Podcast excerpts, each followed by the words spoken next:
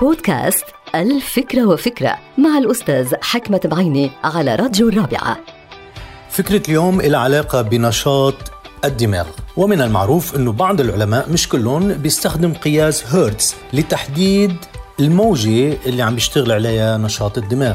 هناك عدة موجات. منبلش مثلا موجة دلتا هي بس يكون الإنسان نايم والنوم عميق. بيكون الدماغ بحالة دلتا. يعني ما في نشاط. تقريبا ما في نشاط.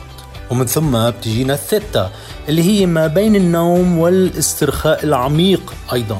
أما الألفا وهي موجة الإنسان العادي اللي عم يشتغل عمل عادي من دون تركيز أو من دون نشاط فوق العادي. ومن ثم تأتينا البيتا اللي هي الواحد بينغمس بأعمال ونشاطات رياضية كانت أو مهنية وبيوصل لموجة البتا أما الجما هي النشاط غير العادي.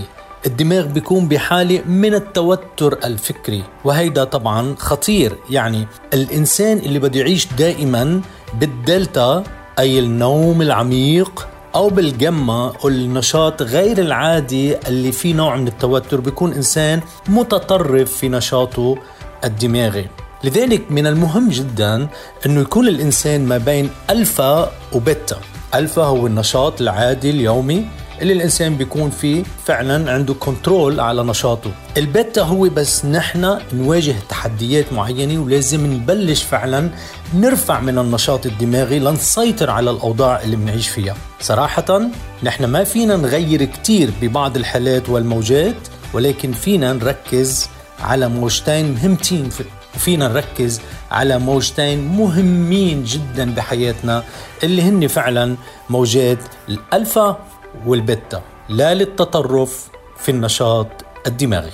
انتهت الفكرة. هذه الحلقة مقتبسة من كتاب الفكرة وفكرة.